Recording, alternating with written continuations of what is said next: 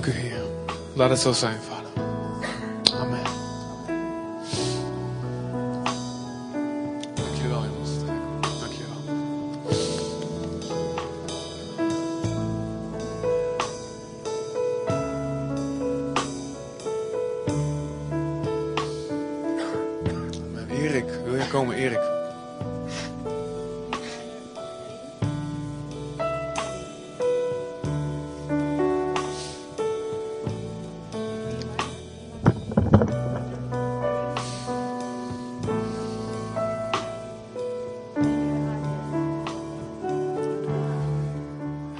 Leven met Jezus is dat je bevrijd wordt van jezelf. Je wordt bevrijd van een wereld die om jezelf draait. Daar ben ik heel erg dankbaar voor. Mijn wereld draait alleen om mezelf. Ik heb nodig dat iemand me uit mijn wereld haalt. Ik denk dat we het allemaal af en toe nodig hebben. En dat betekent soms dat je, dat je mee moet met allerlei mensen in, in ge- gevoelens of dingen die helemaal niet op dat moment niet jouw gevoelens zijn, maar je, je, voelt dat gevoel, omdat het in Gods hart wel is. En wij kunnen het allemaal niet aan, maar God kan het allemaal aan. Hij kan het allemaal tegelijk aan. En er is een ander iemand met wie we ons weer mogen verheugen. En dat is Erik. En we kennen Erik allemaal, of niet? De meeste van ons kennen Erik. Hij is een kanje van een kerel. Hij is niet alleen een ontzettend gespierde kerel, hè, maar ook een kanjer in de Heer. En ehm, Erik gaat ons verlaten. Hij gaat eh, naar Kenia. Hij gaat er zo even wat over vertellen. En hij heeft gevraagd om uitgezegend te worden. En dat is een heel bijzonder verhaal. En jullie kennen misschien, jullie denken misschien van, eh, misschien- als je hem niet zo goed kent, dan weet je nog dat hij gedoopt is. Ongeveer, ik denk dat het anderhalf jaar geleden is. 20 maanden geleden. 20 maanden geleden. Hier bijna goed. En dan kwam Erik eh, uit de wereld en uit een, en toch een eh, achtergrond van eh, verslaafd aan medicijn eigenlijk. En, en, zijn werk. En, ja, hij is al... En daarna is, is het tijd goed gegaan, maar heeft hij... Moet ik al je gras voor je voeten wegmaaien. Maar dat lukt niet. Maar heeft hij weer, is weer door een diep dal gegaan, maar hij is er weer bovenop. Yes, amen. En ehm, wat hij zo gaat vertellen, ik denk dat het heel goed is. Ik denk dat het goed is dat hij gaat. Dat God een plek daar voor hem heeft. En eh, hij is nog een flink in de opbouwfase, maar dat is hartstikke goed. Ik denk dat God bouwt je soms op door je erop uit te sturen. Dus we willen je luisteren naar Erik. Ik heb je gevraagd, Erik, probeer. eh, ik heb gevraagd, Erik heeft een geweldig verhaal. En ik denk eh, dat hij het graag heel uitgebreid vertelt straks. Maar omdat we nu in de dienst nog. Ja, ik heb gevraagd om een paar minuutjes te doen. Ik snap het weer. Maar om een getuigenis te geven waar, eh, zodat we weten waarvoor je mogen zegenen. Is het goed? Ja, lieve mensen, goedemorgen. Het, eh, kon net Christian zeggen van eh, de oude school. En ik moet zeggen, denken van, toen ik jaar of 7, 8 was, toen ging ik naar de zondagschool. En 14 jaar later ging ik weer naar de zondagschool. Alleen die heette toen Berea. Alleen mijn eerste ervaring met de zondagschool in Ierseke, dat was nou niet echt een succes. Dat was eh, vier weken voor kerst. En met kerst kreeg je een cadeautje. En ik dacht, nou, dat cadeautje, daar ga ik wel voor. Dat bleek een boekje te zijn over een lammetje. Ik zat op judo en dan heb je niet zoveel meer lammetjes. Dus, hup. En veertien jaar later kreeg ik weer een boek. Weer over een lam. Alleen dat lam heette Jezus Christus. En daar wil ik nu eigenlijk van getuigen wat Jezus Christus voor mij gedaan heeft de afgelopen paar jaar. Dat is heel wat. Vooral de laatste negen maanden. Ehm, misschien dat een aantal mensen nog een getuigenis van mijn doop kunnen herinneren. Even een vogelvlucht. Het, eh, ik heb ruim 20 jaar in het bedrijfsleven gezeten als exportmanager. Eh, ik was eigenlijk zo'n mannetje die eigenlijk alles had. Dikke baan, eh, goed inkomen, dikke BMW, fotomodel als vrouw. Tweede vrouw overigens, twee keer getrouwd geweest, zoon. En toch, ik was diep, diep, diep ongelukkig. Het was echt drie keer helemaal niks, maar dat ga je pas achteraf zien. Dat zie je niet op het moment dat je er nog in zit. En toen kwam ik eh, op het punt dat ik in één keer alles kwijtraakte. En toen is eigenlijk het moment begonnen dat Jezus heeft gezegd van... Hé hey jongen, jou wil ik hebben. En hier jij. Maar ja, wat heeft dus menselijke natuur? Zeker ik. Ik was echt zo iemand die altijd alles onder controle wilde hebben. Zelfs bij mijn doop had ik alles onder controle. Misschien heeft wel de rug van Hanneke en Arie gespaard. Want ik ging namelijk zelf onder water. Want ik stond het niet iemand toe dat hij mij onder water deed. Zover ging mijn controlezucht dat ik alles onder controle moest hebben. En dan word je christen. Dan word je weer geboren. En dan gaat er nog meer vallen en opstaan. Tot februari dit jaar, toen uh, had ik een gesprek met, met uh, de directeur van uh, Horeb. En het liep zo, hij zegt, Erik, zegt, hoe, hoe gaat het nou met je? Ik zei, Rob, in alle oprechtheid, ik, zeg, ik raak knap gefrustreerd. Ik voel me echt net zo'n gefrustreerd konijn. Oei, waarom dan? Ik zei, man, ik ben echt de blaar om mijn tong en er gebeurt helemaal drie keer niks. Ik zei, ik raak hier echt gefrustreerd van. Nou, het gesprek ging verder. Toen zei hij op een gegeven moment van, heb jij wel eens ooit echt Jezus in je hart gevraagd? En op dat moment was het er een bliksemschicht door me heen ging. Want ik besefte in één keer dat als ik aan het bidden was, was nog steeds die oude zakenman. Die zaak deed met de grote baas. Ja, je lacht erom, maar het was wel een feit. En op dat moment er gebeurde iets met me. Nou, even, het is een lang verhaal, maar ik zal kort houden. Ze hebben, je ben je er aan toe om Jezus echt in je hart uit te nodigen? En toen kreeg ik een klein stemmetje. Want als ik emotioneel word, dan weet ik dat geraakt word. Ja, ik zei, dat, dat, dat wil ik wel. Oké. Nou, heb ik Jezus in mijn hart uitgenodigd. Want het staat heel duidelijk in het woord. Johannes 14, vers 6. Niemand komt tot God de Vader dan door mij. En vanaf dat moment zijn in mijn leven gewoon dingen heel anders gelopen. Ik mocht in één keer mocht ik gaan prediken, ik mocht, mocht van alles. Maar het belangrijkste wat ik. Ik kreeg teksten in mijn hoofd. En een van de eerste teksten die ik in mijn hoofd kreeg. was 1 Petrus 2. Verlang als een pasgeboren zuigeling naar de zuivere melk van het woord. Dat dat u opbouwt en uw redding is. En vanaf dat moment kreeg ik echt een honger naar de Bijbel. Wil je niet weten. Ik frat dat ding op. Zes, zeven uur op een dag. En toen kwam ik tot de conclusie van Erik, waar is het nou in het verleden fout gegaan? Er hebben een aantal dingen. Christian vroeg van week ook aan me, van denk daar eens over. Waar is, waar is fout gegaan? Ik denk dat het eerste, wat ik achteraf moet constateren met mezelf, was dat hetgeen wat de mond beleed, niet synchroon was met wat het hart voelde. En ik denk dat heel veel mensen dat herkennen. Kijk, je kan hier nog de mooiste opwekkingsnummers zingen. Heer, doe uw wil in mij. Maar als je hart wat anders zegt, dan is er toch iets fout.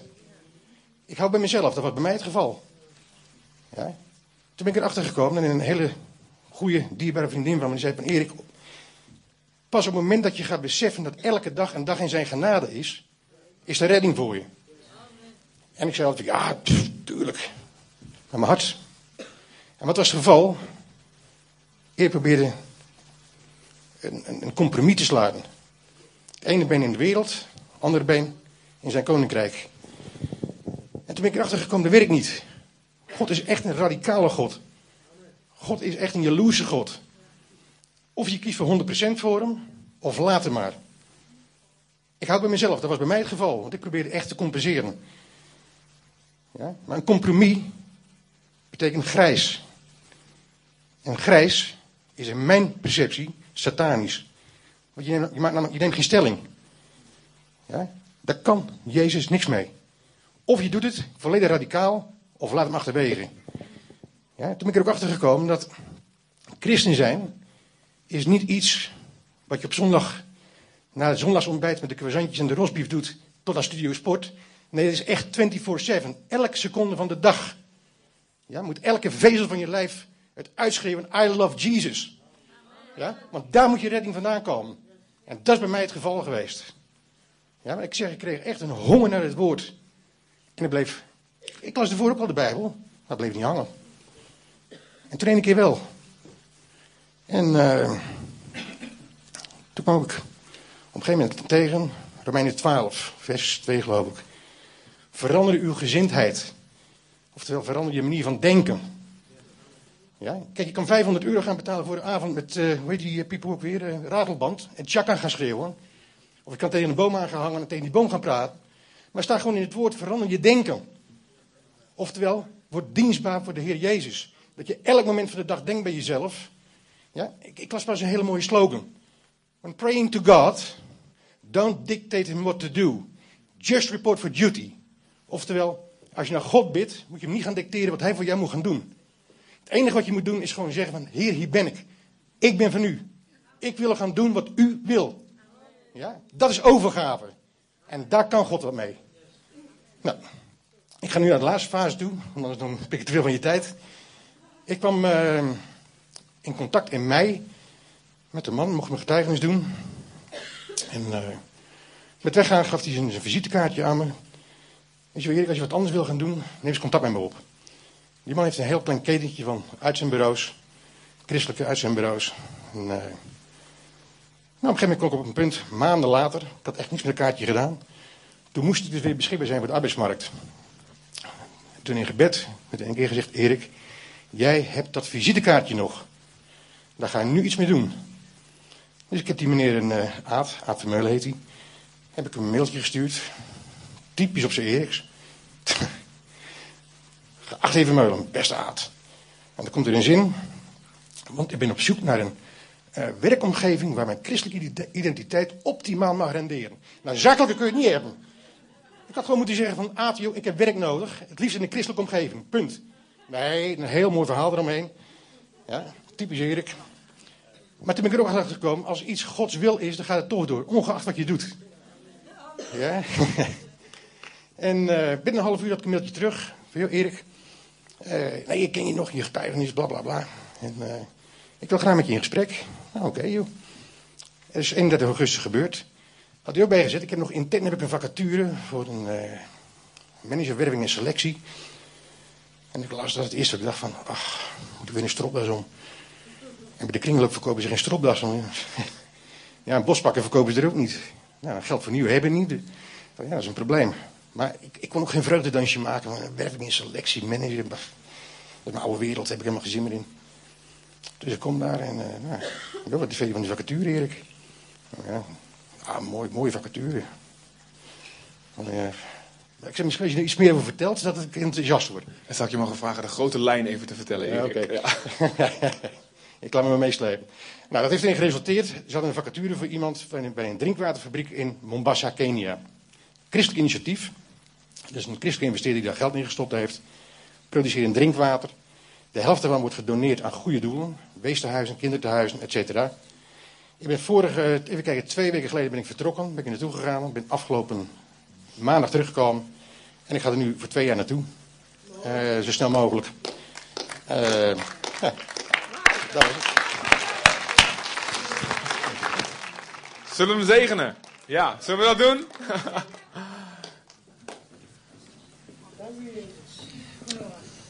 Dank u, Vader, Heer. Dank u wel, Heer. In Jezus' naam, Heer verklaren wij als gemeente, Heer, dat je gezegend bent, dat je in Hem bent.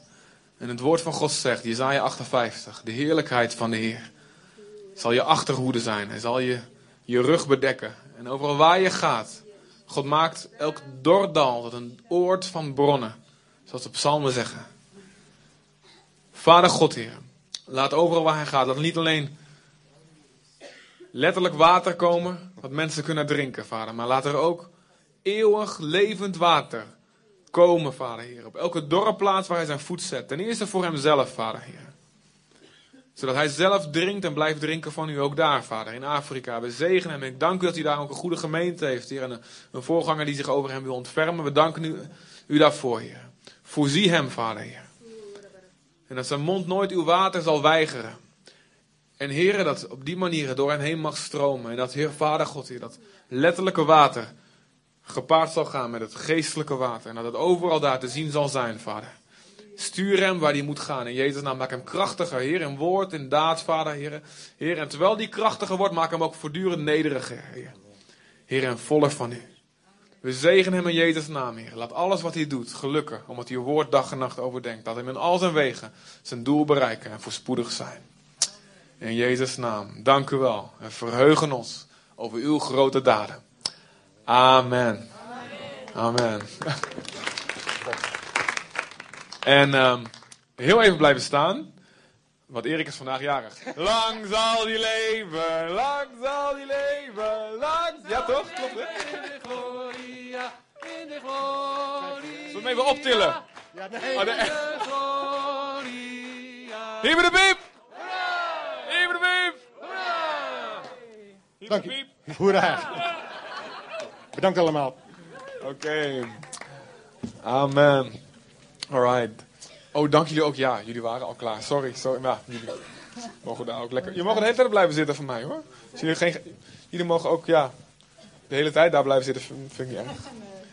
Als jullie maar geen eh, gekke gezichten gaan trekken achter mijn rug.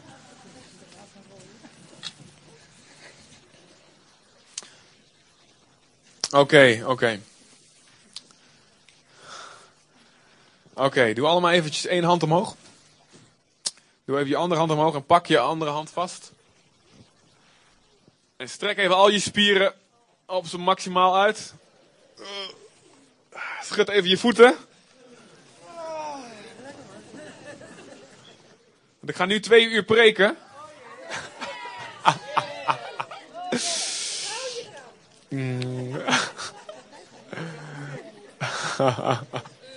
Oh, sorry. Ja. Amen, oké.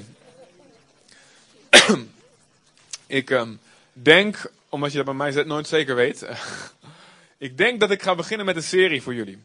En uh, dat gaat over, uh, uh, over wat God wil zeggen door de boeken Ezra en Nehemia heen. Ik denk dat het goed is om te, te spreken over een onderwerp.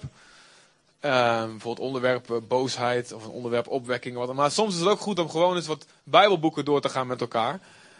En dan niet alleen in twaalf maar ook wel eens op zondag af en toe. Vinden jullie dat een goed idee?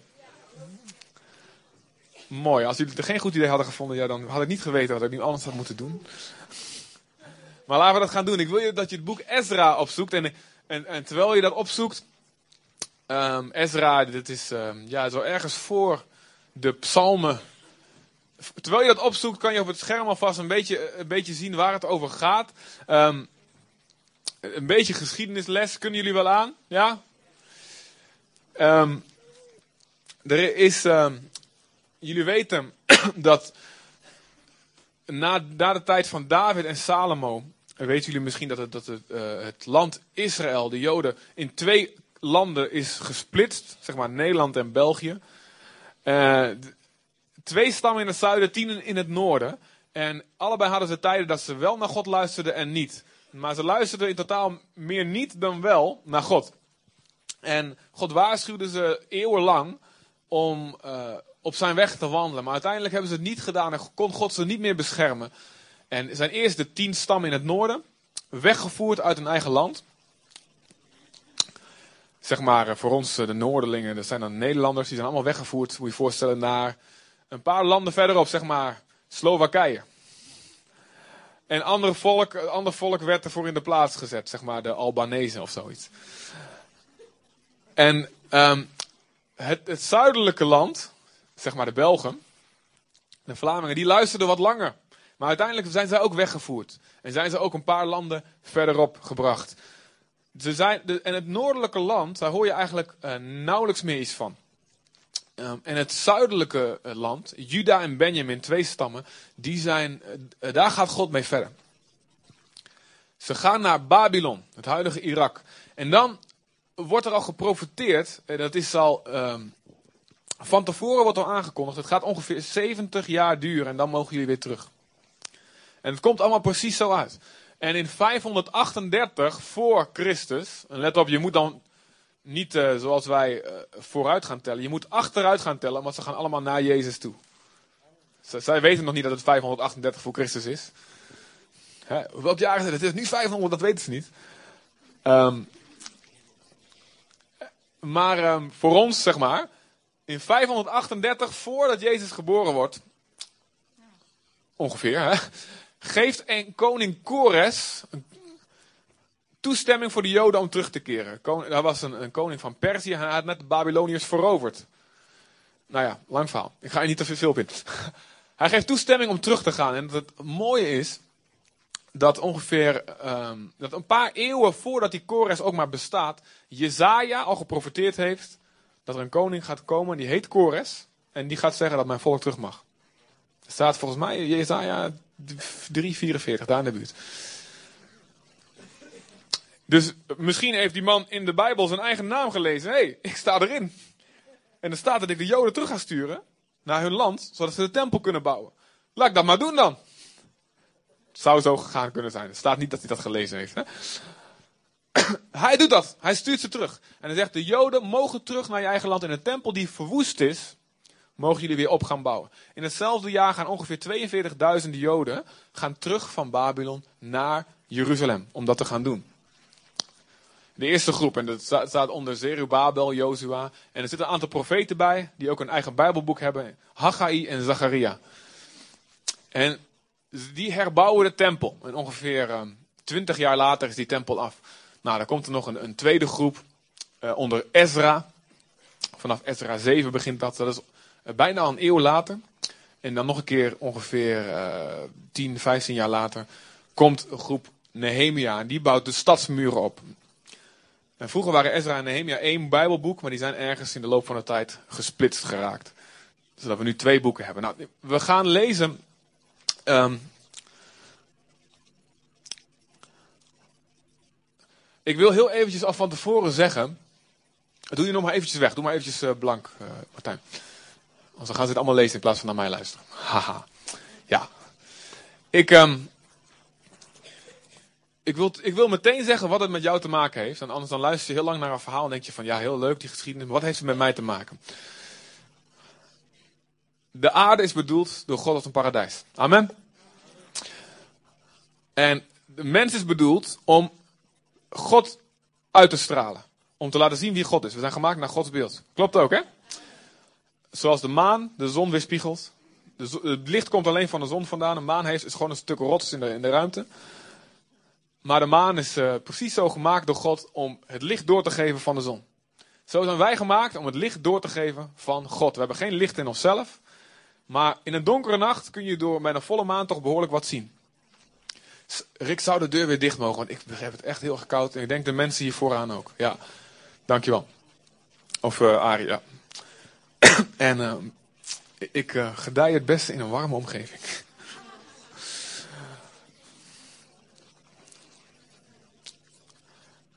Dus de mens is bedoeld om God uit te stralen. Jij bent bedoeld om God uit te stralen. En om een licht te brengen in een donkere nacht. Amen. Maar door de zonde is die volle maan zo'n klein sikkeltje geworden. Je ziet, je ziet er nog maar een klein beetje wat van. Maar het is donker op de aarde geworden. De nacht is donker. De boel is kapot gemaakt door zonde. De aarde is kapot, is ontwijd door haar bewoners, zegt de Bijbel. En daarom verslindt een vloek de aarde. De aarde is vervloekt door de zonde. En alles gaat kapot. Alles wat we aanpakken, er komt wat moois uit, maar het gaat ook, er komt net zoveel rotzooi komt er weer bij. En het lukt ons niet armoede, onrecht, corruptie. ehm, het lukt ons niet om dat uit te roeien. En zelfs in landen waar we wel rijk zijn, zijn nog steeds veel gebroken gezinnen. Er is eenzaamheid. En er zijn mensen die elkaar kapot maken, die alles behalve het beeld van God uitstralen, maar in plaats daarvan het beeld van de duivel. Toch? Ik vertel niet iets nieuws voor jullie, denk ik. Jullie maken het mee. Jullie worden ermee geconfronteerd elke dag. En als je een zacht hart hebt, dan gaat je hart daar kapot van. God heeft bedoel, ons bedoeld dat wij, net zoals deze groepen mensen, de tempel gaan herbouwen. Dat betekent datgene wat God oorspronkelijk bedoeld heeft, een plek waar Hij woont, jouw leven en de kerk en het koninkrijk van God, de regering van God, die de aarde binnendringt en de dingen weer maakt zoals ze zijn bedoeld zijn.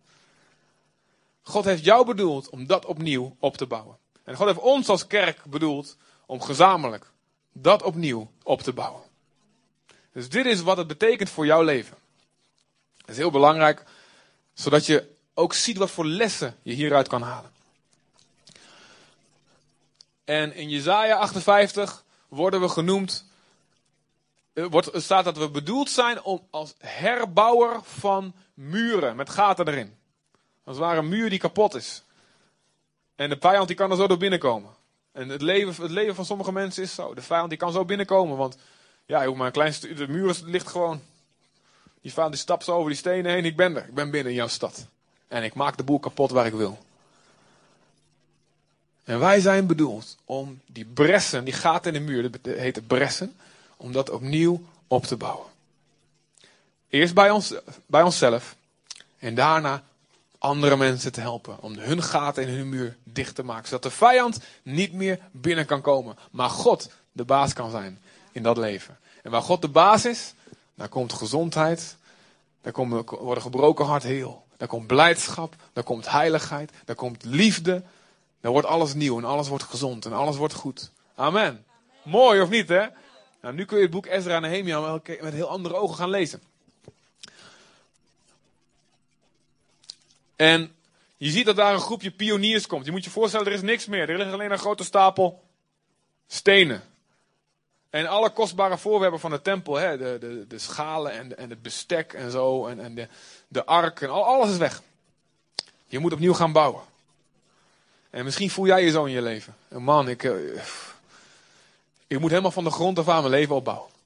Misschien ben je de eerste christen in je familie, bij de, je bij de eerste generatie. Je hebt geen goede gewoontes overgeërfd. Of misschien waren je ouders in naam wel christen, maar hebben ze ook geen goede gewoontes doorgegeven.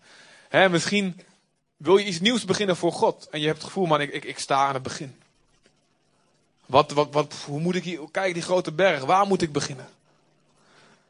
En hetzelfde geldt ook voor deze kerk. Deze kerk is vijf, zes jaar geleden begonnen. Met niks. Was hier niks. Tenminste, er waren andere kerken, daar zijn we God dankbaar voor. Maar dit, zoals je hier zit, het was hier vijf, zes jaar geleden, was het er niet. En er is een groep geweest die heeft van het begin af aan, heeft het moeten opbouwen. En echt een pionierswerk. Nou, moet je eens kijken wat er gebeurt bij pionierswerk. Dan zie je in hoofdstuk 3 kun je dat lezen. Ik, ik wil je echt vragen, liefdevol verzoeken, om thuis het boek, voor het, het boek eens te lezen. Ik kan niet het hele boek met jullie doorgaan, maar lees het boek eens. Met deze ogen. Thuis, Ezra. En uh, nou mag die Martijn. En je kun je zien wat, dat, dan, hier staat wat de eerste groep pioniers in Jeruzalem deed. Dus toen ze kwamen bij zo'n grote bult stenen, er was niks. Ze mochten gaan herbouwen. En hier staat wat ze deden. Hopelijk. Ja. De volgende. Ik weet nog niet hoe ik dat één voor één dat puntje kan laten komen. Ik wist het wel met PowerPoint, maar dat is een ander programma. Dus het komt in één klap in één keer. Wat ze doen, ze brengen financiële offers. Daar beginnen ze mee. Ze dragen allemaal bij aan het werk. Ze verzamelen zich als één man. Er komt een hele grote eenheid. En ze richten het altaar weer op, als eerste. Moet je voorstellen, de tempel staat nog niet, staat nog niet eens. Bij het eerste wat ze neerzetten is bam, het altaar. Kun je ook heel veel mooie beelden uithalen. Dat betekent eigenlijk een altaar van aanbidding en van gebed. Dat is eigenlijk het eerste wat je neer moet zetten. Als je iets nieuws wil beginnen. Ja, mooi hè? Ja, die amen, die mag wel wat harder. En wat er gebeurt, je hebt dus niks. Dus er moet materiaal verzameld worden. Ze, ze sturen de steenhouwers erop uit, hak wat blokken uit die rots. Ze kopen, ze kopen uh, hout bij hun buren. En dit, dit, ik vind het heel mooi. Is eigenlijk ook hoe je, hoe je een kerk opbouwt. Maar je kunt het toepassen op elk, ander, op andere dingen. Op al, allerlei andere dingen. Er moeten eerst mensen zijn die financieel bijdragen. Zeggen er is niks. We moeten een gebouw hebben. We moeten, we moeten een, voorganger hebben. We moeten koffie hebben. We moeten een kantoor hebben. Er moeten offers gebracht worden. Zonder offers kom je nergens. En wat er gebeurt, er is een soort eenheid, een soort avontuursgeest. Yes, we gaan hier samen voor. En iedereen begint enthousiast. En iedereen heeft één doel. Het doel is heel duidelijk. We gaan hier Berea Zutphen gaan we hier neerzetten. Dat was het, was het plan vanaf het begin. Er komt gebed. Hè? En, en um, ook de feestdagen, staat er het derde punt altaar. Ze gaan de fe loofhuttenfeest gaan ze vieren. En ze gaan weer de offers brengen zoals het voorgeschreven is. Oftewel, je gaat beginnen met de godsgewoontes in je leven in te bouwen. De gewoontes van God. Misschien ben je pas tot geloof gekomen. En je moet helemaal van het begin af aan de gewoontes van God in je leven in, inbouwen. Je bent helemaal niet gewend om elke dag tijd te nemen om te gaan bidden. Of om de Bijbel te lezen. Of naar de kerk te gaan op zondag. Gewoon zulke goede gewoontes. Um, en je moet ze helemaal van het begin af aan gaan opbouwen.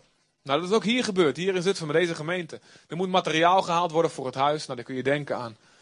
Er moeten goede predikers gehaald worden. Er moeten goede woorden gehaald worden. Er moeten leiders gehaald worden. En dat zie je met het volgende punt ook. Er worden levieten aangesteld om toezicht te houden op het werk. Dat zie je in hoofdstuk 3, vers 8. Er komt leiderschap, er komt organisatie. In het begin is het er, iedereen die doet maar wat. Maar na een tijdje denken, hé, we kunnen veel sneller als we ook een beetje goed de boel organiseren. En dan in vers 13 zie je dat het fundament klaar is. En heel grappig, dan moet je maar lezen thuis. Je ziet dan dat de, de ene helft van de mensen, de jonge mensen, die juichen heel hard. Wow, we hebben het fundament van de, kerk, van de kerk en van de tempel.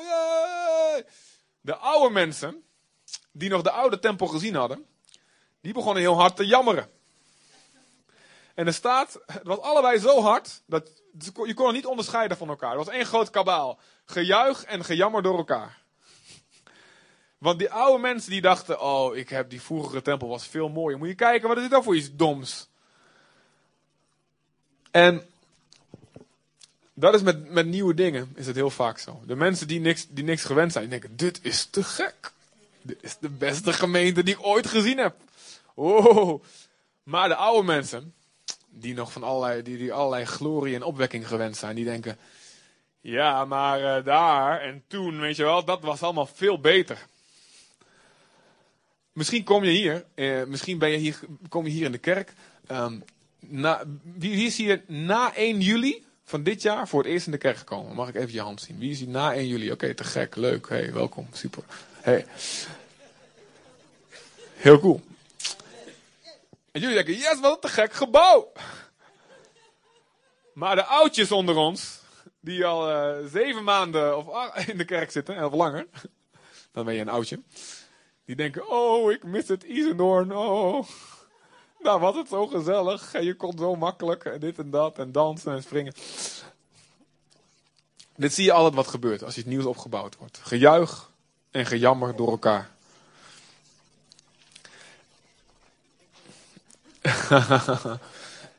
en dit, dit geldt voor alles. Ook als je bijvoorbeeld een, je wil een nieuwe bediening beginnen. Je denkt, wow, ik wil iets beginnen voor alleenstaande moeders. Ik wil iets beginnen voor, voor weduwe en wees. Ik wil iets beginnen voor kinderen. Of ik wil een nieuwe twaalfgroep beginnen. Of ik wil een gezin gaan stichten. Ik heb geen voorbeeld gehad. Ik wil een gezin gaan stichten zoals God het bedoeld heeft. Dan krijg je te maken met al deze dingen. En je begint in heel groot enthousiasme. En iedereen brengt offers. En iedereen is één. En iedereen weet, bam, hier gaan we naartoe. En iedereen is georganiseerd en gedisciplineerd. Yes! En je, je krijgt wat voor elkaar. En je juicht en je springt. En je hebt het gevoel, we gaan ergens naartoe. Dat is het begin van elk ding. En weet je, God vindt dat mooi. God geniet daarvan. Van het enthousiasme. En misschien is het zelfs voor je eigen geloofsleven. Je bent, tot, tot, je bent christen geworden. En je denkt, yes! En je gaat ervoor. En je bent helemaal vol van God. En je vindt het heel makkelijk om offers te brengen en om te bidden. En je vindt het te gek. En alles super. En alles is één grote roze wolk. En God geniet daarvan. En God, God zegt, zo wil ik het. Heel goed. Maar de Bijbel leert ons ook wat er dan kan gebeuren. Let op, in hoofdstuk 4. Ik weet niet, heb ik dat, heb ik dat ook op. Uh, heb ik die tekst ook geprojecteerd? Heb ik dat niet gedaan? Oh ja, nee, ik heb ik zo gedaan. Ja, slim van mij eigenlijk. Ik ontdek ook hoe slim ik ben. Dank u, Heer. Het is wel leuk om zo slim te zijn. Je mag wat harder lachen, anders dan denken de mensen op uh, de opname op internet dat het serieus is. Haha, lach even.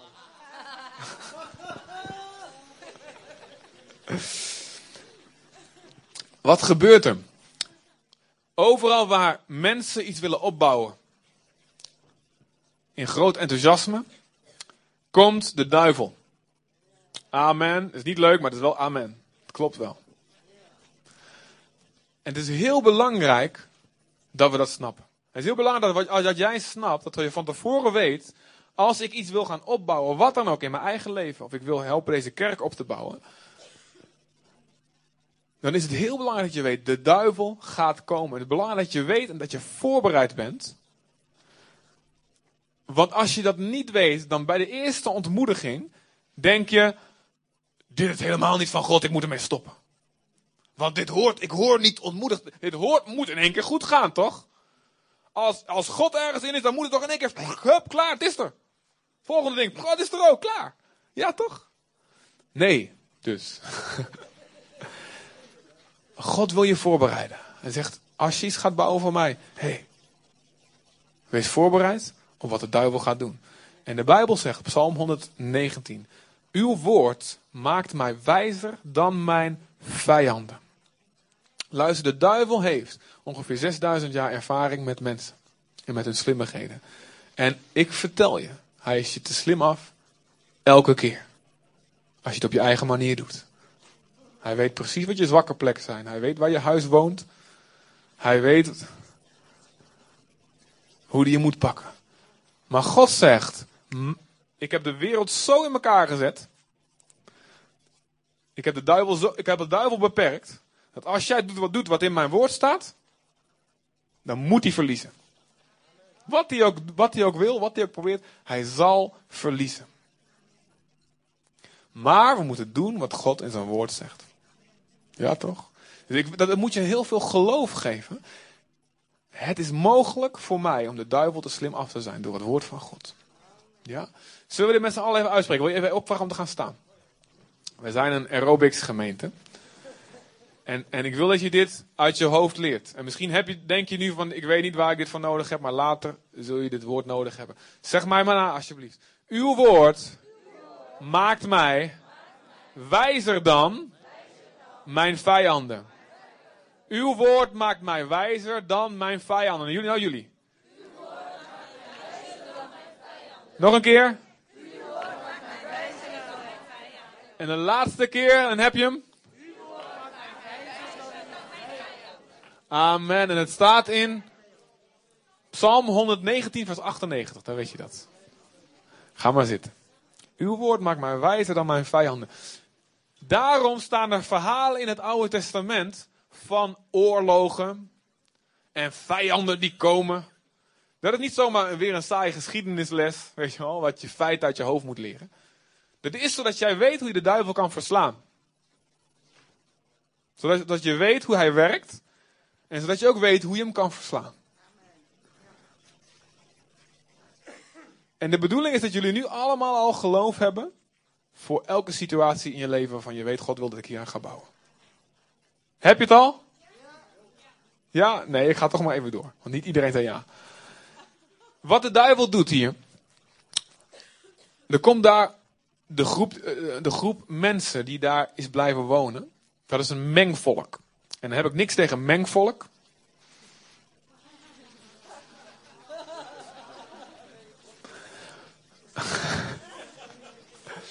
Want uh, mijn vader komt uit Pekalongan, Indonesië. Ik en ik, mijn moeder komt uit Dermte, Saland. En uh, om het erger te maken, mijn vrouw komt uit Cucuta, Colombia.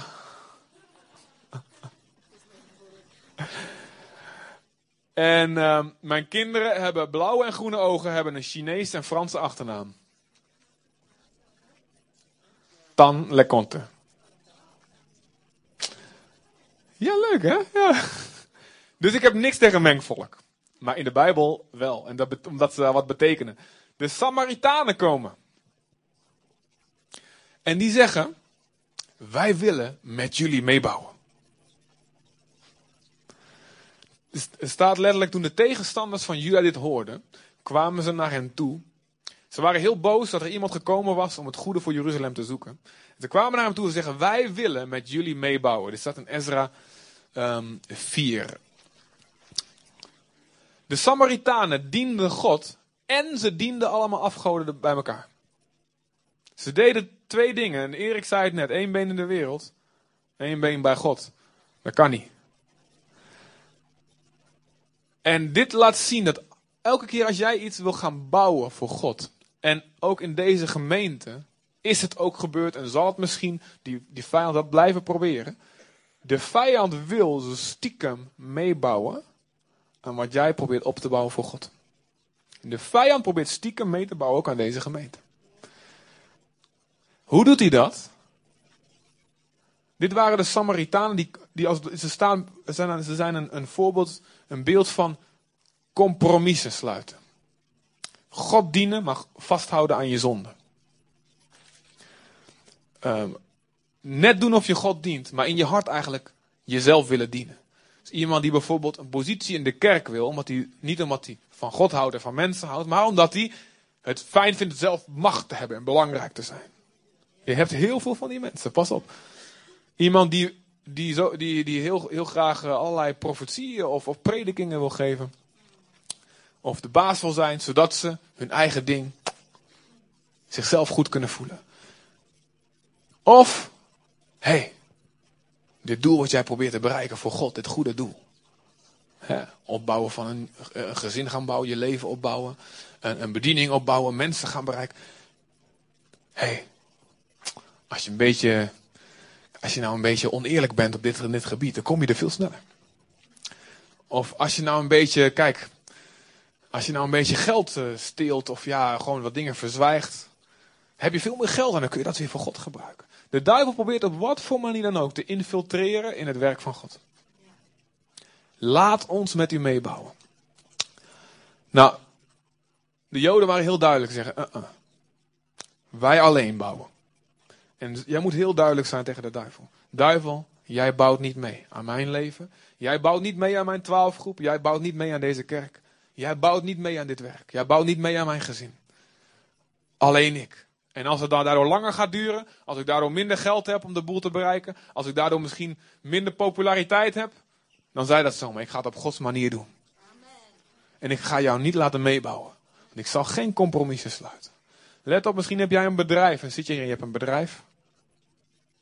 En je denkt, ik wil het voor de eer van God gebruiken. Maar je hebt de duivel toegestaan om mee te laten bouwen. Je hebt oneerlijkheid, zwart werk of, of andere dingen, fraude, heb je mee laten bouwen in je bedrijf. En God zegt, verwijder de duivel uit je bedrijf. Verwijder, verwijder het sluiten van die compromissen. Doe het op mijn manier. Het lijkt misschien langer gaan duren, het lijkt je misschien heel veel geld te kosten, maar God zegt, eerlijk doet het langst. Mijn manier doet het langst. Dit is voor sommigen van jullie. Laat de duivel niet meebouwen. En wat hij daarna doet, het volgende wat je ziet. Staat toen ontmoedigden zij hen en ze schrikten hen af van het bouwen. Als de duivel niet kan meebouwen, gaat hij je ontmoedigen. Op wat voor manier dan ook. Misschien ben jij begonnen met iets voor God. Misschien ben jij zelfs begonnen hier in de gemeente. Enthousiast mee gaan bouwen. Maar je bent ontmoedigd. Je bent afgeschrikt. Je bent ontmoedigd omdat niet alles in één keer goed leek te gaan. Je bent ontmoedigd omdat je dacht dat hier in de kerk iedereen altijd aardig zou zijn. Maar er zaten er toch een paar mensen bij die dat niet altijd deden. Je bent ontmoedigd omdat het niet zo snel genoeg gaat als het je dacht. Je dacht, weet je, deze gemeente begint, of ik ga me hier en, en, en, binnen, binnen, binnen twee jaar, binnen drie jaar hebben we hier duizend, tweeduizend man. Bam! Weet je, ik, ik, ga, ik, ik begin met iets te bouwen in mijn gezin. Ik ga mensen vertellen, mijn familie vertellen over Jezus. En weet je wat, binnen, binnen een jaar zijn ze allemaal in de kerk en dienen ze God. Maar het duurt zo lang. Je bent ontmoedigd. Je bent ontmoedigd. En wat, het, wat hij nog meer doet, hij schrikt je af. En even later staat er met kracht en geweld deden ze de bouw staken. Ze zeiden, lieten, ze lieten de autoriteit en de overheid erbij komen. Dat is het derde punt. Er komt vervolging van buitenaf. En de Samaritanen en die andere tegenstanders, ze haalden een gouverneur erbij van een provincie. En ze zeiden, die gasten hier zijn bezig een opstand te plegen. Ze gaan Jeruzalem opnieuw opbouwen. En dan gaat het weer een afhankelijk, onafhankelijk koninkrijk worden. Ze gaan opstand komen tegen de koning. En toen met kracht en geweld moesten ze staken. En dit is het laatste wat de duivel probeert te doen. Infiltreren, dus binnendringen, meebouwen. Ontmoedigen. En tenslotte je afschrikken, je intimideren. Dat hebben wij ook meegemaakt, joh. We hebben bedreigingen gehad. En nog meer van jullie trouwens. Meer leiders ook in de gemeente bedreigingen gehad. We hebben zelfs een nacht niet thuis durven slapen. Want we dachten, mensen komen ons, mensen komen ons opzoeken. En, maar we hebben, we hebben altijd gezegd, wat ook gebeurt. Zoals Joyce Meyer het zegt. Do it afraid. Soms kun je je bang voelen. Maar, en, en, en, maar moedig zijn is niet dat je je nooit bang voelt. Maar moedig zijn is misschien wel bang zijn, maar toch doen wat God je zegt. En vele van jullie hebben die offers gemaakt en hebben dat gedaan. En daarom staat er hier wat. Daarom staan die fundamenten hier in deze gemeente. Maar deze mensen in, in Ezra, in het boek Ezra, ze stoppen met bouwen, staat er. Het werk aan het huis van God bleef stil liggen. Van 538 voor Christus tot uiteindelijk in 500 20. Dus dat is 17, 18 jaar. Heeft werk stilgelegen. En misschien zit jij in zo'n fase. Misschien zit jij in die 17, 18 jaar. Je bent enthousiast begonnen met iets. In deze gemeente, of met een bediening binnen deze gemeente. Of met iets in je persoonlijk leven, iets waarvan je weet, God wil dat ik dit op ga bouwen. God wil dat ik deze tempel weer ga opbouwen. Deze puinhoop, ik ga deze bressen ga ik herstellen. Maar de duivel heeft, je, eerst hij, heeft, probeer- hij, heeft, hij heeft meegebouwd. Hij heeft je ontmoedigd en afgeschrikt. Hij heeft je geïntimideerd en vervolgd. En langzaam maar zeker ben je gestopt met bouwen. En weet je wat er gebeurde? Hun reactie was twee dingen die aangesproken worden later. Twee dingen. Ze trokken zich allemaal terug in hun eigen huisje, in hun eigen wereldje. En ze hadden een gezamenlijk project. Ze gingen ergens voor, voor de tempel. Ze waren één. Ze waren enthousiast. Ze waren georganiseerd. Ze sliepen, dag, ze, ze, sliepen nauwelijks. Ze gingen alleen maar bezig met het werk van God. Maar op dat moment gingen ze al bezig. Weet je wat, die tempel, ja, moeilijk. Problemen, ontmoediging, tegenstand. Weet je wat? Ik ga mijn eigen huis eens flink te goed doortimmeren. Ik ga mijn eigen huis bouwen. Heb ik tenminste geen gouverneur op een dak. En de duivel laat dat lekker met rust. Hè? Het is goed, hè? Een eerste neiging. De neiging als mensen ontmoedigd zijn en stoppen met bouwen aan de dingen van God. Is je gaat je terugtrekken weer in je eigen wereld. En alleen bezig, je wereld draait alleen maar om jezelf. En de tweede, wat, wat even later aangesproken, ze geloofden niet meer in de belofte van God. Van wat er kon gebeuren. Als ze die tempel zouden af gaan bouwen. Nou, moet je, moet je één ding onthouden. Ik ben, ik, het is ontzettend mooi dat de Bijbel de mislukkingen van Gods volk en van de mannen en vrouwen van God opschrijft. Het is zo, ik word zo bemoedigd door de mislukking van een ander, ander iemand. Daarom ben ik zo bemoedigd dat jullie allemaal zie. Nee hoor, grapje. Luister. Een hele lieve voorganger die ik ken. Die, ehm, we, kennen, we, kennen, we, kennen hem, we, we kennen hem een tijdje, niet heel erg goed, maar... Die, ehm, ik sprak een keer in die gemeente. En hij vroeg, vroeg aan me hoe het ging. Ik zei, nou, ik zei, nou, het gaat goed, weet je wel. Maar ik, en toen dacht ik, begon ook gewoon te vertellen, nou ja, dit en dat. We hebben wel uitdagingen, dit en dat is best moeilijk, zo en zo. En die voorganger keek me aan en zegt, wauw. Oh, weet je, ik ben zo bemoedigd om dit te horen. Ik zei, nou, dankjewel. Maar weet je wat, ik, ik, ja, bij ons, ja, ik, ik had ook die uitdagingen moeilijk. En oh, ik kan niet de mensen allemaal meekrijgen. En soms dan word ik zelf ook uitgeblust. En probeer iets te bouwen en mensen te bereiken. Maar het gaat zo stroef en moeilijk. Dit en, dat. en dan hoorde ik soms verhalen uit Zutphen. En dacht ik, en, en, en, en mensen waren op bezoek geweest daar. En oh, ik dacht, volgens, ik dacht dat het allemaal daar zo geweldig ging. En helemaal geen probleem. En alles, allemaal mensen dat geloven. Ik ben zo bemoedigd dat jullie ook die problemen hebben. Luister, bemoedig iemand anders eens met je mislukkingen. Ik meen het serieus. Sommigen van jullie zitten hier en je denkt, weet je, het leven met Jezus, mijn leven met Jezus klopt niet. Want het gaat niet zo makkelijk. Maar als ik naar die kijk, en die vertelt alleen maar zijn hoogtepunten, en, zijn, het gaat alleen maar goed mee. Openbaring naar profetie, naar wonder, naar doorbraak. En bij mij,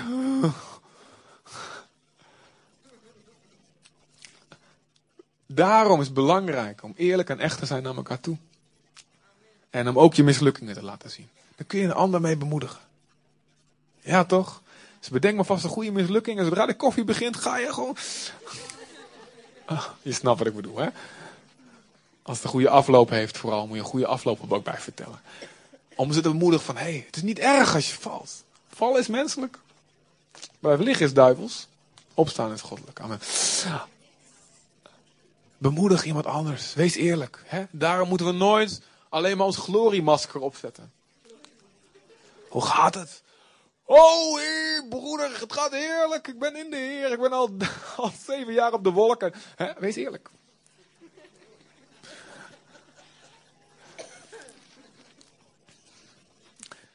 En de Bijbel is ook zo eerlijk. Mooi, hè? Het blijft gelukkig niet hierbij. Want weet je wat er gebeurt? Dit gaan we lezen. Dit gaan we lezen. En dan breek ik het af en dan ga ik volgende week verder. De twee uur zijn er niet om, nee. Zullen ze over stemmen. Luister. Nog even niet lezen. Nog even niet lezen. Hou hem door eventjes blank. Oh, ja, dat is goed zo. Ja, ouwe. Luister. Ik zal dit voorlezen. Dit staat niet op het scherm. Zo werd het werk aan het huis van God in Jeruzalem gestaakt en bleef stil liggen tot het tweede jaar van de regering van Darius. Maar dan hoofdstuk 5 vers 1. Maar de profeet Haggai en Zacharia traden bij de Judeërs die in Juda en Jeruzalem woonden als profeten op in de naam van de God van Israël.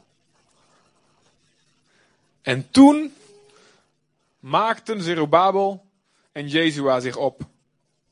Wie zei dat mannen geen make-up mochten dragen?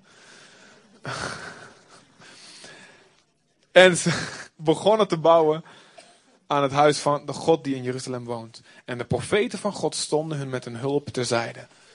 En wat zeiden die profeten nou? En ik weet dat, dat Carlino heeft volgens mij hier ook al over gesproken. Eh, wat zeiden die profeten? Ze, spre- ze spreken dit aan.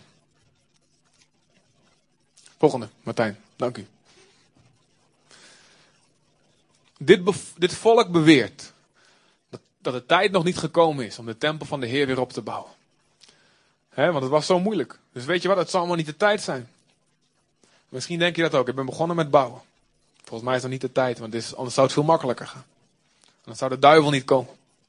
Dan zou God mij meteen de overwinning geven. Dit volk beweert de tijd is nog niet gekomen, maar, sprak de Heer bij monden van de profeet Haggai, is de tijd dan wel gekomen om zelf in mooie afgewerkte huizen te wonen. En dat terwijl mijn huis nog een ruïne is. Welke weg zijn jullie eigenlijk ingeslagen? Ga naar de bergen, haal daar hout en bouw mijn huis weer op. En met vreugde zal ik het aanvaarden en er mij in al mijn luister tonen. Luister. En dit, is, dit betrek ik op deze, deze gemeente. Sommigen van jullie zijn teruggetrokken in jullie eigen wereldje. Je, je bent er nog wel. Maar je visie, je passie, je enthousiasme en je vuur heb je teruggetrokken. Je denkt van het zal wel niet de tijd zijn. Weet je wat? Misschien is het wel de bedoeling dat de dingen gewoon zo blijven als is. Misschien is het niet de tijd van, voor, van God dat hij Zutphen gaat bezoeken met zijn heerlijkheid. Misschien is het niet de tijd voor nu voor opwekking. Misschien moeten we nog een generatie wachten. Misschien is het helemaal niet de tijd dat hier een kerk komt. Groot en invloedrijk, die de boel op de kop zet. En je hebt je geloof teruggetrokken. En je bent bezig om in je eigen wereldje, je wel doortimmerde, je goed door afgewerkte wereldje te wonen. En God zegt, kom op, ga door, haal het hout, haal het hout, bouw dit huis weer op. En het tweede wat hij zegt in hoofdstuk 2. Wie van jullie heeft deze tempel nog in zijn vroegere luister gezien? En hoe ziet hij er nu uit? Jullie denken zeker dat het niets meer kan worden. Maar hou vol, Zerubabel, spreekt de Heer. Hou vol, Jozua. Jullie alle bewoners van het land, hou vol, spreekt de Heer. Werk door. Ik ben bij jullie. Niet heel erg diep of zo, weet je wel. Hou vol. Werk door. Ik wil dat je iemand opzoekt, even na, de persoon naast je zegt. Hou vol. Nee, ik meen het serieus. Ik meen het serieus. Zeg het even. Kijk iemand, pak iemand bij de schouders. Kijk hem in zijn ogen aan en zeg. Hou vol. Schreeuw het maar even. Hou vol. En dan draai je naar je andere buurman. Draai naar je andere buurman. En zeg. Werk door. Oké, nu achter elkaar. Oké, naar de eerste persoon. Weer terug naar de eerste persoon. Dan zeg je, hou vol. En dan draai je om en zeg je meteen, werk door. Nou, achter elkaar. Hou vol. Werk door. Amen.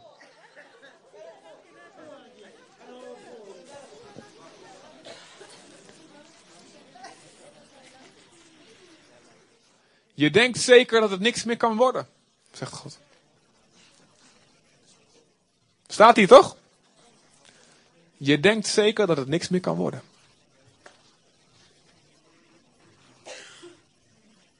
Maar, de belofte in het tweede stukje eronder. Nog een korte tijd, nog een ogenblik slechts. En ik zal de hemel en de aarde, de zee en het land doen beven. Dit spreekt God tot jouw dode situatie, oké? Dit spreekt God nu tot jouw dode geloof. Als het gestorven is, nog een korte tijd. Nog een ogenblik slechts. En ik zal de hemel en de aarde De zee en het land doen beven en alle volken breng ik in beroering. Hun schatten zullen mij toevallen. Mijn huis zal ik vullen met pracht en rijkdom, zegt de Heer van de hemelse machten. En de luister van deze tempel zal groot zijn, nog groter dan voorheen. En van hieruit zal ik jullie vrede en voorspoed geven. Wie gelooft dit? Wie gelooft dit voor deze gemeente? Als je op bezoek bent, mag je je eigen gemeente toepassen. God zegt, hou vol en werk door. En God heeft de bedoeling dat de profeten van God, en dat zijn we allemaal. De ene moment zijn we een profeet en de andere moment zijn we een werker. Dat we elkaar bemoedigen. En dat we zeggen, hou vol. En we zeggen, werk door. Dat jij je tegen je twaalfgroepleider zegt, die misschien zonder dat jij het weet, bijna het wil opgeven. Omdat jullie zo moeilijk doen misschien wel. Nee hoor, natuurlijk niet, jullie doen het moeilijk. Maar zeg even tegen ze, hou vol. En werk door. hou vol. Werk door. Weet je waarom? De belofte van God is niet weggegaan. Maar weet je, je hebt volharding nodig. Terwijl je de wil van God blijft doen. Om de belofte te beërven, zegt Hebreeën. Je hebt volharding nodig. Je hebt volharding nodig. Je hebt volharding nodig. Wat er gebeurt hierna. De duivel gaat weer moeilijk doen. Ze gaan, luister, ze gaan bouwen. Ze gaan verder. Na een goede bemoediging kun je goed verder. Ze gaan bouwen, ze gaan verder, ze werken, werken door. Maar de duivel komt nog een keer. De tegenstander komt nog een keer. Wie heeft gezegd dat jullie die tempel mogen bouwen? Weet je wat ze nu doen? Ze zeggen, luister eens eventjes. Wij hebben het woord. Wij hebben het woord van de koning Kores. Ga jij maar eens even terug. Ga maar navragen bij de koning. Wie de gelijk heeft hier. Ga maar eens even kijken. Wat het hoogste gezag op aarde te zeggen heeft over deze situatie. En wat gebeurt er? En um, kun je die eventjes doen? Um, nou ja, doe maar even het volgende. Profeten schutten de boel wakker. Doe maar de volgende, Martijn. Deze slaan we over. En die ook. Ze zeggen, we gaan onderzoek doen. Ga maar onderzoek doen. Kijk maar wat er in de boeken staat. En dit is wat jij moet doen als de duivel komt. Je bent ontmoedigd geweest. Je bent gestopt geweest. Je bent geïntimideerd geweest, maar je gaat door. Je gaat door. En als de duivel opnieuw komt, dit is wat je moet doen. Dit is hoe je het zal doen slagen. Stuur de duivel terug naar de, degene die de hoogste woord heeft. Stuur jouw ontmoediging terug. Zeg maar, hé, hey, ontmoediging. Ga eens kijken wat er in de boeken staat. Ga eens kijken wat de hoogste koning zegt. Dit is wat ze hier doen. 5 vers 17. Doe een onderzoek in de archieven. Wat heeft de koning gezegd? En dan de volgende. Dit is wat de koning antwoordt.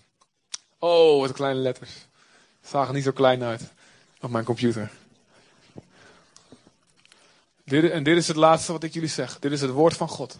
Voor deze gemeente. En voor jouw situatie. Waar jij aan het opbouwen bent.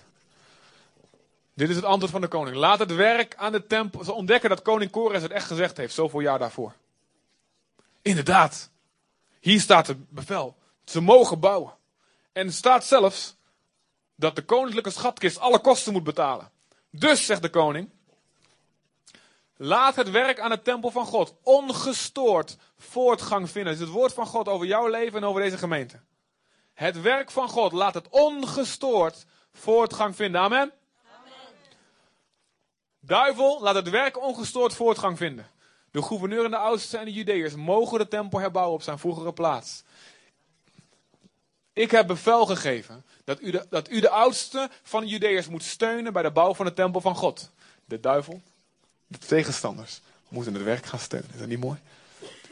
zij moeten de kosten nauwkeurig en zonder uitstel volledig vergoed krijgen uit de koninklijke schatkist, uit de belastingopbrengst. Halleluja.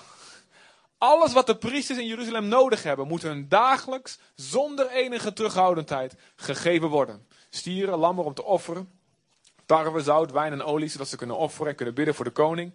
Ook heb ik het bevel gegeven dat er bij iedereen die dit besluit overtreedt, een balk uit zijn huis moet worden gesloopt, waaraan hij vervolgens rechtop zal worden vastgenageld. Zijn huis moet worden verwoest.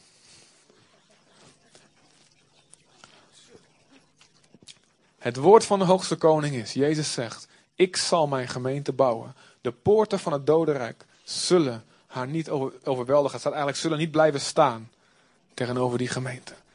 Het woord van God is, dat in Jezus Christus leidt God ons te alle tijden naar de overwinning. Met volharding en met geloof moeten doorzetten.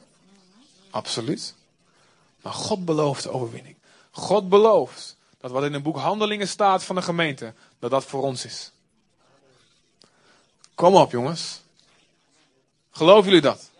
God, God wil voor ons. Dat dagelijks wordt toegevoegd. Mensen die gered worden. God wil dat er ge- buitengewone wonderen en tekenen gebeuren door de handen van de gelovigen. God wil dat de eenzame geplaatst wordt in een huisgezin dat hij die vindt hier in de gemeente.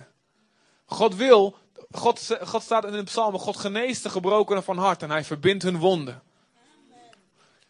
En staat dat God wil dat de koninkrijken van deze wereld, het koninkrijk van Jezus Christus gaan worden. Dat de wereld beïnvloed gaat worden door het zout en door het licht. En dat de volken de dingen gaan doen op Gods manier. En dat de berg van het huis van de Heer de hoogste berg zal zijn. En dat alle volken zullen zeggen, wij moeten naar die berg toe en daar leren hoe God de dingen wil dat wij de dingen gaan doen.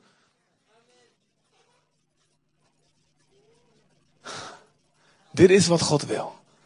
En dit is wat hier zal gaan gebeuren. Wij gaan het, als wij ons niet laten ontmoedigen, niet laten intimideren, niet laten afschrikken, niet laten afleiden. Niet ons terugtrekken in ons eigen wereldje, maar blijven geloven in die belofte. Dat de heerlijkheid, de glorie van God hier te zien zal gaan worden. De duivel moeten we terugsturen naar het woord van God. Wat zegt het woord? We moeten onder, soms moeten we onderzoek doen. in Wat zegt het woord over mijn situatie? Wat zeggen de koninklijke archieven over mijn situatie? Wat zegt de hoogste koning? En als de intimidatie en dat ongeloof en de ontmoediging komt, dan zeg je: ga jij maar eens terug, ga jij dit maar eens lezen, wat de koning zegt. En God zegt: iedereen die tegen jou opkomt, iedereen die tegen jou ingaat, die spiets ik aan een paal. Amen? Zullen we gaan staan? Sate, Satan.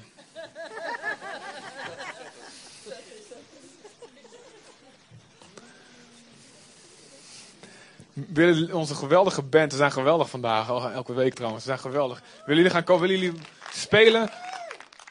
Toon uw heerlijkheid in dit huis. Luister, ik wil je vragen je ogen te sluiten, terwijl de muziek, als je klaar bent, mogen jullie, mogen jullie vast spelen, zodra jullie klaar zijn. ik wil je vragen je ogen te sluiten.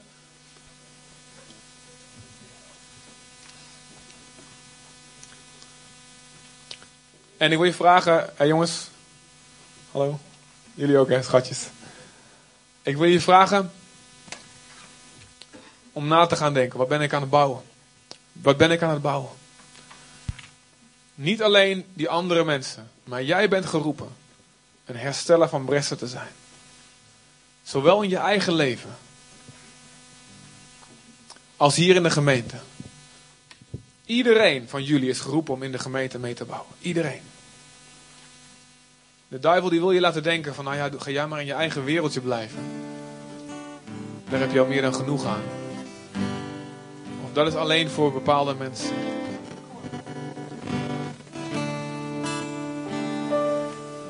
Om, omdat hij weet dat in de gemeente de kracht is voor een andere toekomst. Luister, over tien jaar kan hier alles bij hetzelfde gebleven zijn.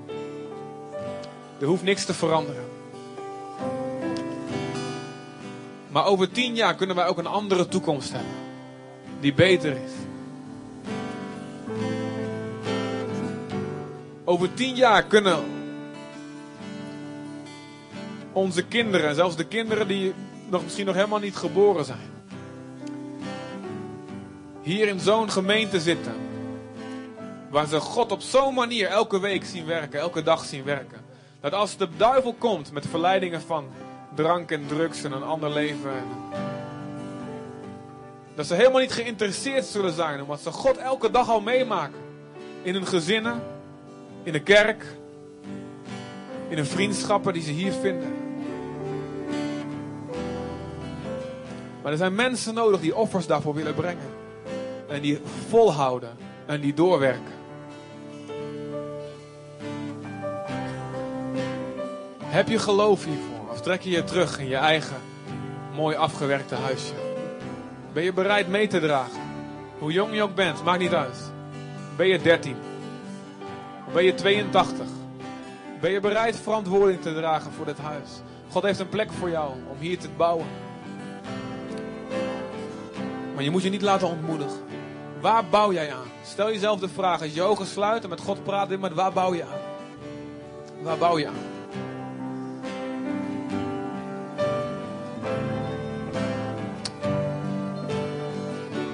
Ligt het werk stil? Ligt jouw gedeelte van het werk stil? Heb je een profeet nodig? Die je even toeroept. Die je herinnert aan de belofte van God. En die je uit je eigen wereldje haalt. Vandaag is hij gekomen. Dit woord is voor jou.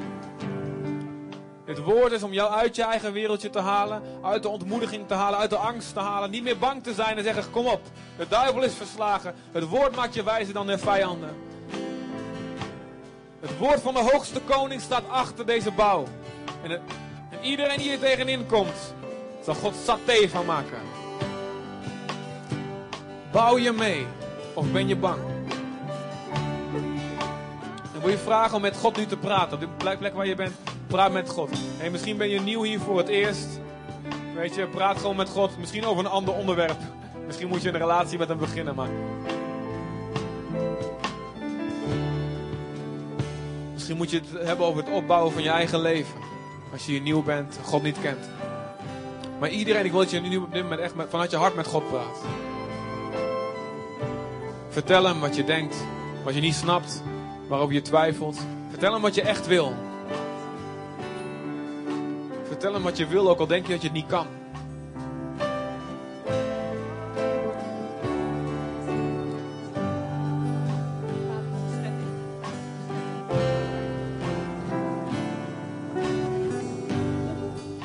Vertel hem over. Praat met God over wat hij wil dat je betekent in deze gemeente. Praat met hem.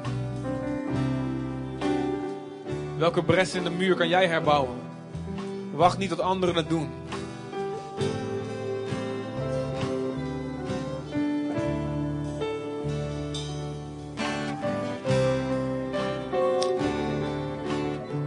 Zullen we dit gaan zingen? Vader van de schepping, volvoer uw eeuwige plan. 505. Laat het een gebed zijn wat je bidt over dit huis. De kerk is bedoeld de, het koninkrijk te brengen. En jij bent erin nodig. Amen. Vader van de schepping, volvoer uw eeuwige plan, Vader. Volvoer uw eeuwige plan. Laat ons de generatie zijn, Heer. Maak ons de generatie overwinnen kan. Raak ons aan. Ons aan. Wij komen.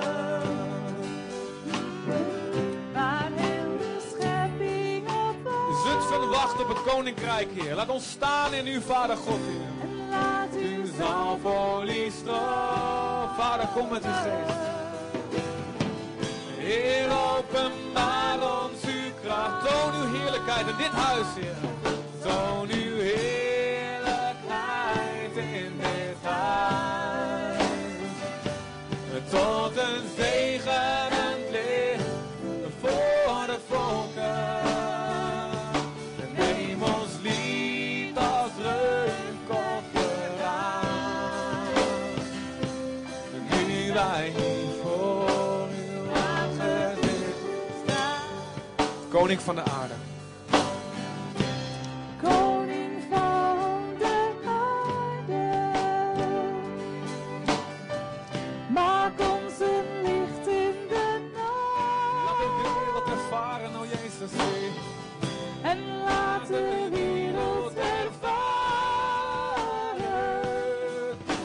Zo zijn in Jezus' naam.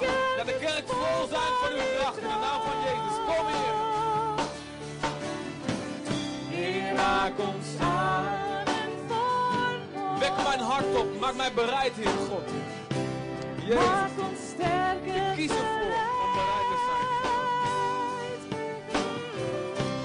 Geef ons kracht waar wij kwetsbaar zijn. Maak, maak ons klaar voor de strijd in Jezus' naam. Dan onze vijanden Jezus' naam. Toon uw heerlijkheid in dit huis. Tot een zegenend licht voor de volk. Ik wil niet alleen met onszelf bezig zijn, Vader. Maak ons een licht voor de. Heer. Maak mij een licht